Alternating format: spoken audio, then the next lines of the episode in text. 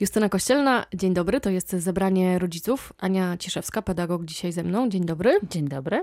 I dzisiaj porozmawiamy o tym, jak się bawić z dziećmi, by maksymalnie wykorzystać ich potencjał, no mhm. i nasz. I nasz, dokładnie. Czyli w jaki sposób fajnie spędzać z nimi czas, żeby jak najlepiej się rozwijały. A zacznijmy od tego, bo y, to chyba nie jest grzech przyznać się, że no nie każdy rodzic lubi się bawić. Och. I nie w każdą zabawę. Tak, to jest prawda.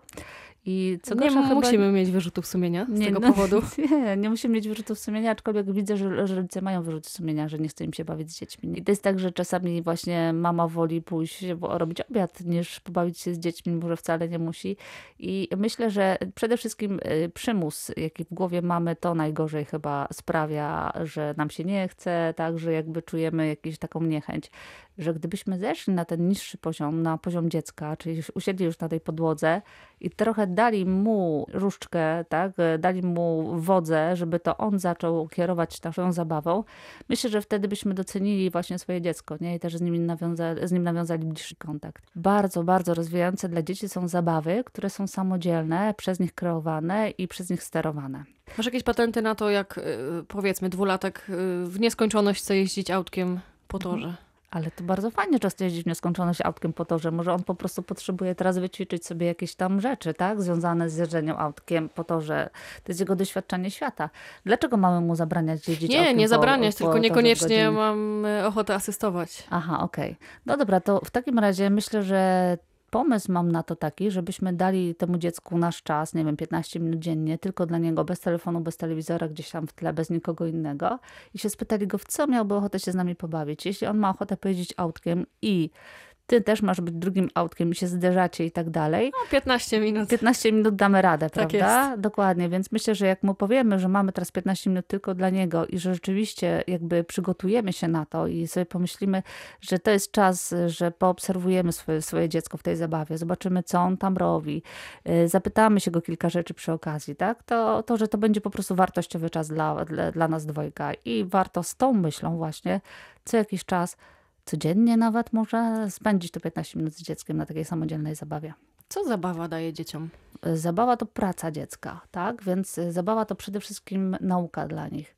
Nauka i rozwój. Wiadomo, zabawy ruchowe rozwijają i ruch to zdrowie, to, to, to, to, to podstawa, ale też zabawa uczy, yy, pozwala mu doświadczać świat samodzielnie, czyli Dziecko poprzez zabawę poznaje właściwości fizyczne przedmiotów na przykład. Poznaje, że jak coś spadnie, y, że jak coś zrzuci, to to leci i może po nie wiem ile razy zrzucać. Pamiętam To ja... do tego roczniaki uwielbiają tak, rzucać. dokładnie rzeczy, tak? I to pozwalamy mu na to, tak? Bo ono wtedy się uczy tego, że jak coś zrzuci, to coś poleci. Mama może podniesie, może nie podniesie, tak? Ale że właśnie to są fizyczne właściwości przedmiotów, nie? I to jest fizyka po prostu. Ale fizyki jeszcze nie, nie wprowadzamy na tym etapie. Na tym etapie Upewnie nie wprowadzamy, się. ale z drugiej strony jeśli chcemy, żeby nasze dziecko było takim małym naukowcem, który rzeczywiście samodzielnie odkrywa świat, musimy mu stworzyć bezpieczne i przyjazne środowisko do tego. Czyli w momencie, gdy nasze dziecko bardzo potrzebuje wylać śmietanę na talerzyk, żeby sprawdzić, jaki ma smak czy jest zimna, albo jeszcze, nie wiem, robi dla swojego misia jakieś e, śniadanko, to pozwólmy mu na to. To jest jakby e, mała dla nas sprawa, trochę śmietany wylanej na talerzyk, a dla dziecka to może być mistrzostwo świata, po prostu fantastyczna zabawa i bardzo dużo się przez to nauczy. Myślę, tak. że roczniak celujący w talerzyk to, to jest niezły wyczyn. Tak.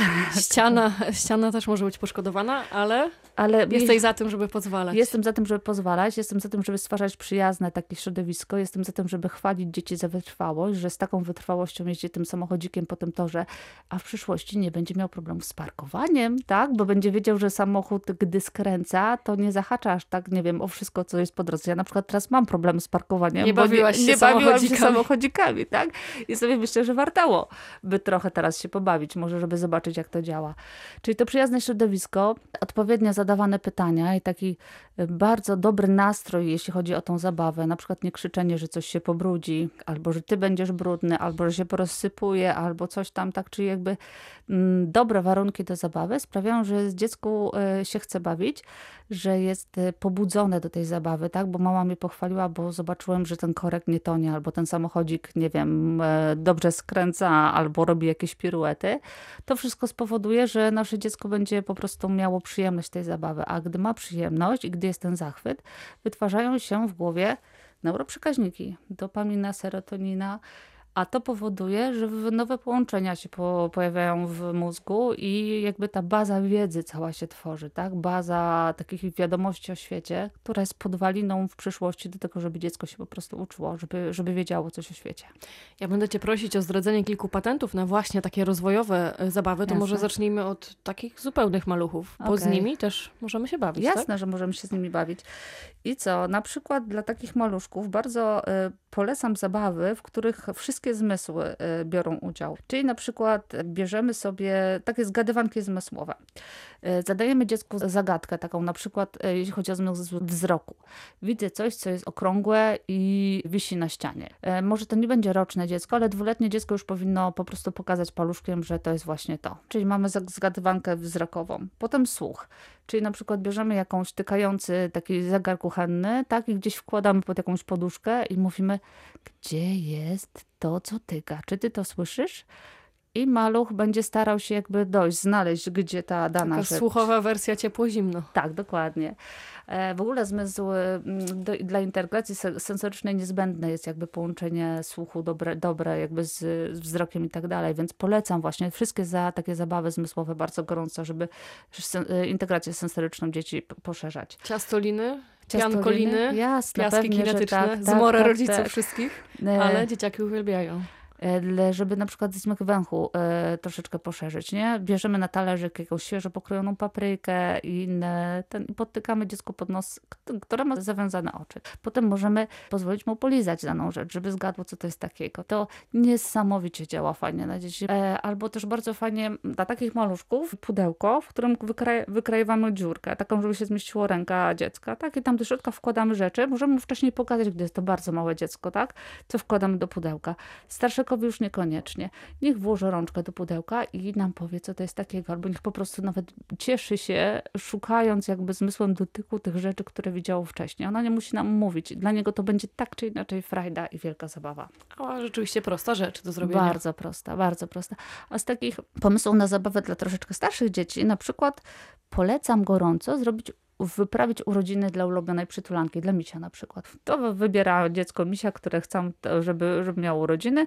Potem możemy z plasteliny albo z czegoś innego zrobić dla niego tort. Możemy zrobić z jakiegoś pudełka prezent, tak, opakować go ładnie, włożyć tam jakieś rzeczy. Dziecko może samodzielnie temu sobie przygotować prezent. Możemy zaprosić inne zabawki, tak, na te urodziny. Możliwości jest wiele. Tak Możliwości jest. jest. bardzo wiele i tak naprawdę, jeśli maluch ma problemy z wymyśleniem, co, w co by chciał się bawić, możemy mu podpowiedzieć zawsze, nie? To nie ma problemu. Natomiast wartość samodzielnej zabawy, samodzielnego kreowania przez dziecko tego świata jest nie do przecenienia. Po prostu jest mega, mega, mega Czyli ważne. nie wyręczamy, pozwalamy, żeby samo Pozwalamy, żeby samo decydowało, jak najbardziej.